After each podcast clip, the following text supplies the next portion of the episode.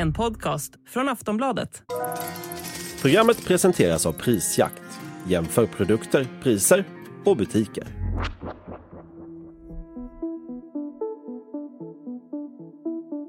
Säkerhetsläget i världen har försämrats avsevärt de senaste åren och nu kan vi stå inför en ny kärnvapenkapprustning. According to new satellite images obtained by CNN, three of the world's biggest nuclear powers have recently constructed new facilities and dug new tunnels at their test sites. The world's three most powerful militaries, the US, Russia, and China, have all been expanding their nuclear testing sites in recent years. Rysslands invasion av Ukraina och president Putins aggressiva retorik har aktualiserat frågan om kärnvapen. Vem som har, vem som kanske har, hur många som finns, hur långt de kan nå och vem som planerar att skaffa. Fakta i dagsläget är att USA, Ryssland, Kina, Frankrike, Storbritannien, Indien, Pakistan och Nordkorea har tillgång till kärnvapen och många tror även att Israel har det. Genom åren har olika system och bilaterala överenskommelser för att hålla nere kärnvapenhoten implementerats. Men eh, nu skramlas det igen i olika delar av världen. Ryssland har dragit sig ur nedrustningsavtalet New Start. Kina expanderar sin arsenal i snabb takt och USA håller på att skapa en ny jättebomb som har 24 gånger mer sprängverkan än den man släppte över Hiroshima 1945. Vad innebär den här kapprustningen? Befinner vi oss i ett nytt kallt krig? Och har risken för att något av alla dessa vapen ska avfyras ökat? Det ska vi prata om i Aftonbladet Daily. Jag heter Olivia Svensson. Gäst i dagens avsnitt är Niklas Wendt, reporter på Aftonbladet. Hej Niklas! Hej! Du, skulle man kunna säga att vi befinner oss i en ny kärnvapenera? Ja, det kan man nog, eller i alla fall att vi står i början av en sån. Och det är ju inte, tyvärr inte en bättre era än den vi lämnar på många sätt. Då. Och I grunden beror det på att det finns en tilltagande antagonism i världspolitiken. Att vi lämnar en era där USA varit ensam, ohotad hegemon. Och att det nu finns andra stater som försöker utmana USAs roll som, som världsledare, då, till exempel Kina och Ryssland. Och under den breda trenden så, så finns det ju massa andra saker som också påverkar det här. Till exempel då Rysslands krig mot Ukraina. Att Kina bygger upp sin kärnvapenarsenal och alla de här avtalen som USA och Ryssland har lämnat eller övergivit på olika sätt. Ja, Ryssland följer ju inte längre det här nedrustningsavtalet som kallas för New Start. Det beslutade de i februari i år. Vad har det fått för praktiska konsekvenser? Ja, vad det gäller antalet kärnvapenstridsspetsar, det här är ett avtal som, som sätter en gräns för hur många sådana strategiska stridsspetsar man får ha. Alltså att inget av länderna får ha fler än 1550 stycken insatsberedda var. Eh, så det har nog inte förändrats i så stor utsträckning än då. Eh, för att det är väl inte något av länderna som uppenbart har varken förmåga eller vilja att, att öka på det så mycket just nu då. Eh, men det som det innebär att man har haft vissa överenskommelser om inspektioner och trygghetsskapande åtgärder och dela information och sånt och det har ju upphört ganska mycket. Handlar det lite grann om en signalpolitik, skulle man kunna säga det? Att det handlar om att skicka budskap mer än någonting annat? Ja, men det kan man nog säga. Eh, det kan man nog säga och det är ju Ryssland framförallt som har ett intresse av det i nuläget. Vad vet vi egentligen om Rysslands kärnvapenarsenal i dagsläget och kanske framförallt i förhållande till andra länder? Ja, vi vet ju en del. Mycket är hemligt, men, men det finns ju ganska goda uppskattningar som, som experter runt om i världen gör. Då. Och eftersom det här avtalet har varit plats fram tills alldeles nyligen så har ju både Ryssland och USA, gissar man, ungefär 1600 insatsberedda kärnvapenstridsspetsar var. Och sen utöver det så har Ryssland runt 3000 i reserv, USA har runt 2000 i reserv. Och det är inget annat land som har mer än några hundra eh, kärnvapenstridsspetsar var. Så de här två länderna är ju i eh, ja, en särklass vad gäller mängd av vapen. Du, eh, fyra dagar efter att Ryssland hade invaderat Ukraina så sattes ju de här ryska kärnvapenstyrkorna i höjd beredskap, sa man. Och Putin meddelade då att man kommer att använda alla tillbuds stående medel för att försvara landet. Vad innebär det egentligen att Ryssland skramlar och hotar på det här viset?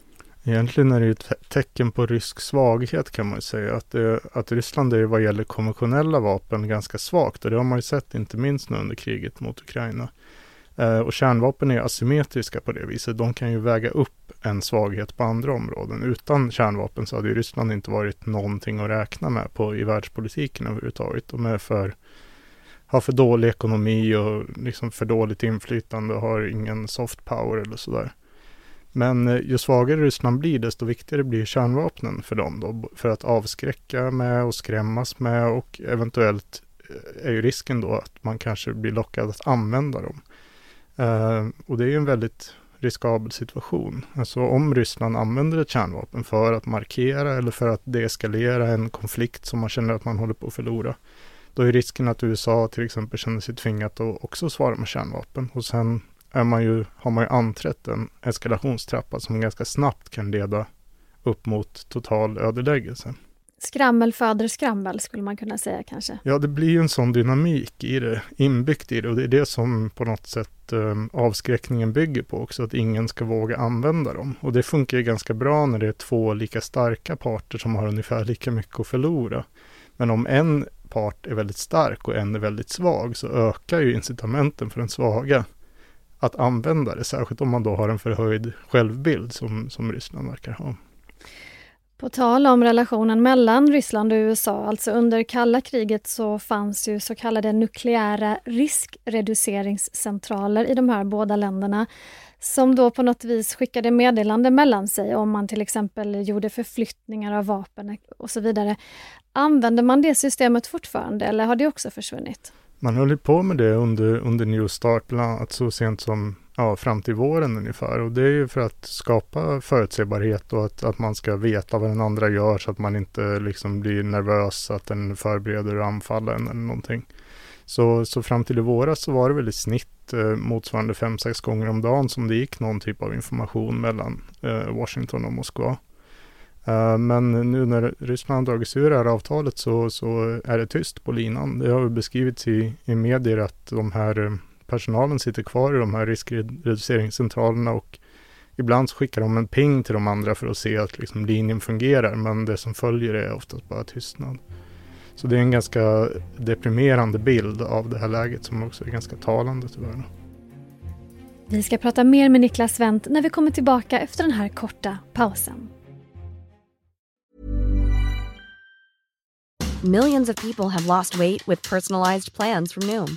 Like Evan, who can't stand salads and still lost 50 pounds. Salads generally for most people are the easy button, right? For me, that wasn't an option. I never really was a salad guy. That's just not who I am. But Noom worked for me. Get your personalized plan today at Noom.com. Real Noom user compensated to provide their story. In four weeks, the typical Noom user can expect to lose one to two pounds per week. Individual results may vary.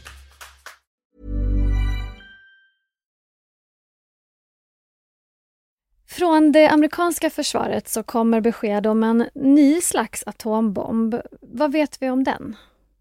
Ja, den kallas då B6113 för att det är den trettonde varianten av B61-bomben som Pentagon då vill börja utveckla.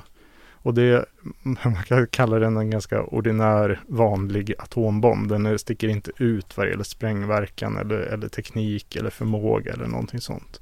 Den ska ha en liknande sprängverkan som, som gamla B617-bomber som USA har i lager. Då. Så det handlar egentligen om att modernisera dem så att de passar på nya flygplan. Uh, och det är väl i det ljuset man ska se den. Den kommer ha en sprängverkan på runt 350 kiloton. Och det är mer än, än den senaste bomben, B6112. Ungefär 24 gånger så stark som den här Hiroshima-bomben, Little Boy.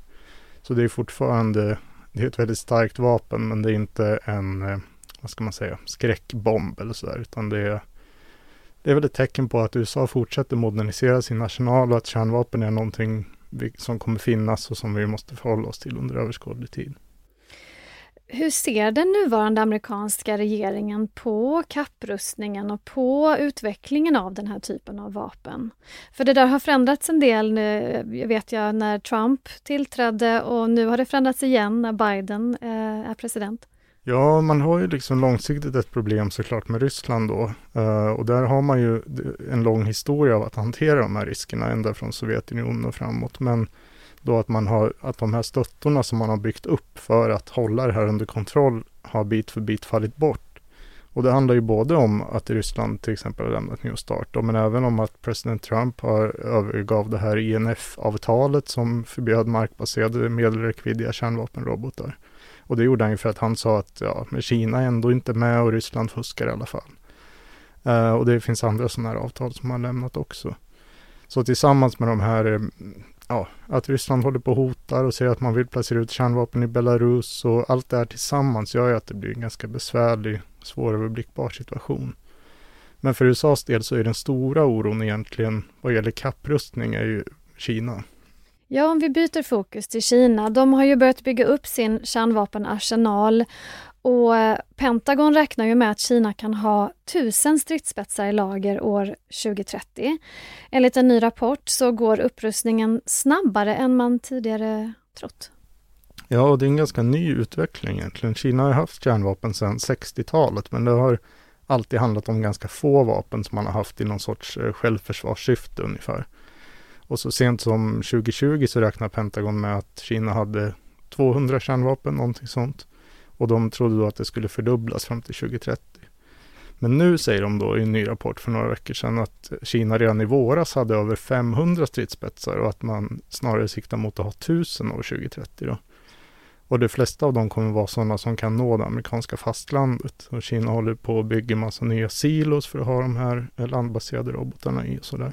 Och problemet med det är ju såklart att, att Kina och USA alltmer är på kollisionskurs, att de betraktar varandra som motståndare i vad ganska många beskriver som ett nytt kallt krig. Men de här två länderna har ju ingen erfarenhet i stort sett av nedrustning eller kontroll, rustningskontroll eller liknande avtal.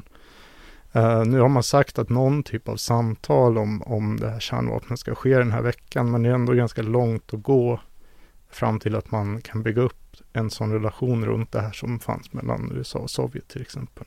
Ett annat problem med nedrustning och avskräckning är att den är svår nog att hantera när man är två stycken som, som försöker bygga förtroende mellan varandra.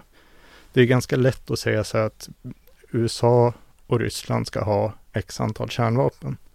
Men om man är tre som ska ha lika många kärnvapen, när dessutom två av dem är ganska tätt allierade med varandra. Ryssland och Kina har ju pratat om en vänskap utan gränser och sånt där för att beskriva sin relation. Om de har 1550 stridsspetsar var, så kommer ju de ha dubbelt så många som USA har.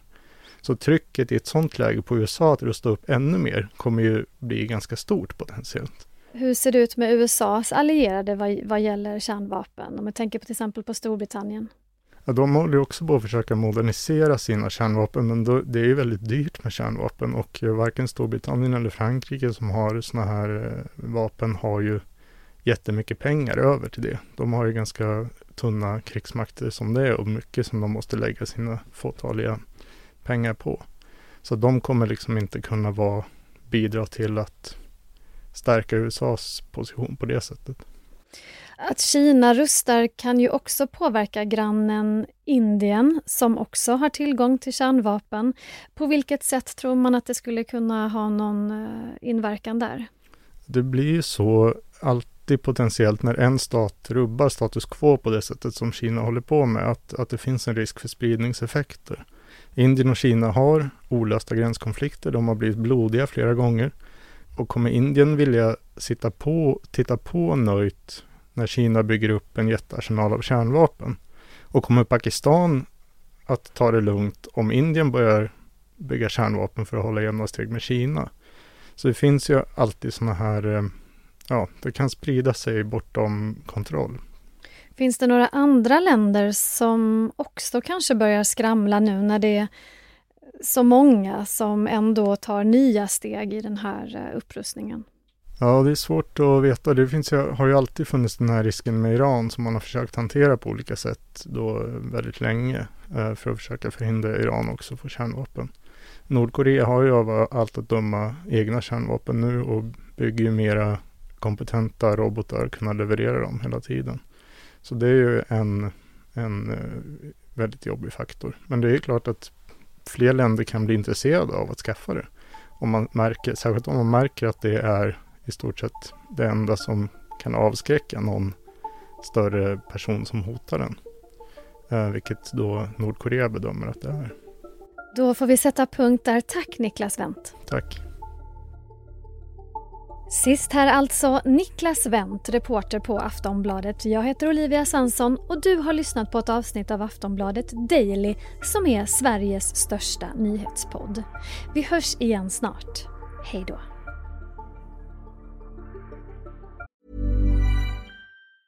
Say hello to a new era of mental health care. Cerebral is here to help you achieve your mental wellness goals with professional therapy and medication management support. 100% online. You'll experience the all new Cerebral Way, an innovative approach to mental wellness designed around you. You'll get a personalized treatment plan from a therapist, prescriber, or both in a safe and judgment free space. Your cerebral therapist or prescriber will outline a customized plan with clear milestones along the way so you can get to feeling your best. With Cerebral, you're not alone in your mental health journey. We're here to empower you to live a fulfilling life.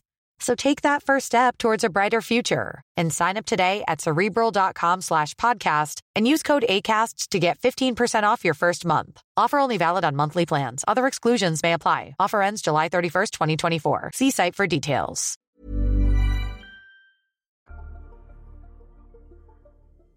Du har lyssnat på en podcast från Aftonbladet.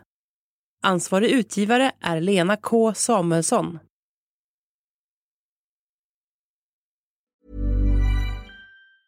Tired of ads barging into your favorite news podcasts?